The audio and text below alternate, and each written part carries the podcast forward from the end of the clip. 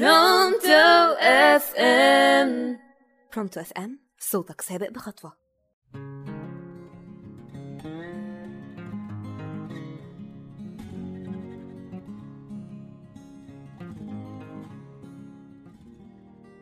مساء الخير مستمعين برونتو FM. أنا نجلاء حيدر على برنامج حدوتة بلدي. وموضوع حلقتنا النهاردة هو حي عين شمس. وطني لو شغلت بالخلد عنه نازعتني إليه في الخلد نفسي وهف بالفؤاد في سلسبيل ظمأ للسواد من عين شمسي.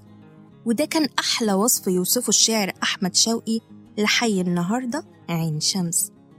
حي عين شمس وهو من أعرق أحياء القاهرة وكانت زمان جزء من مدينة أون الفرعونية أو هليوبلس.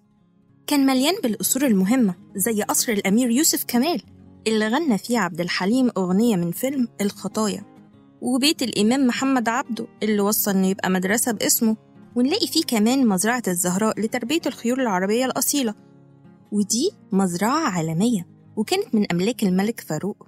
وتاريخ المدينة بيمتد لعصور ما قبل التاريخ وبيعتقد إنها كانت عاصمة لمصر في وحدتها الأولى قبل عصر الأسرات.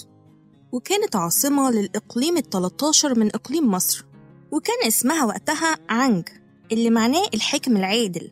والاسم ده لقوه منقوش على جدار في الكرنك واتسمت عين شمس باسم أون في عصر الفرعون اللي معناه العمود المقدس. وفي العصر اليوناني بقى اسمه هليوبلس اللي معناه مدينة الشمس.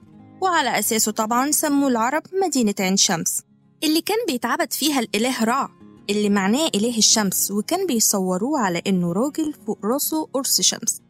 وكانت أون صاحبة أقدم نظرية دينية في الخلق كله. اللي سماها العلماء نظرية التاسوع اللي ليها أسطورة طويلة وكبيرة جدا عن خلق تسع آلهة وقتها.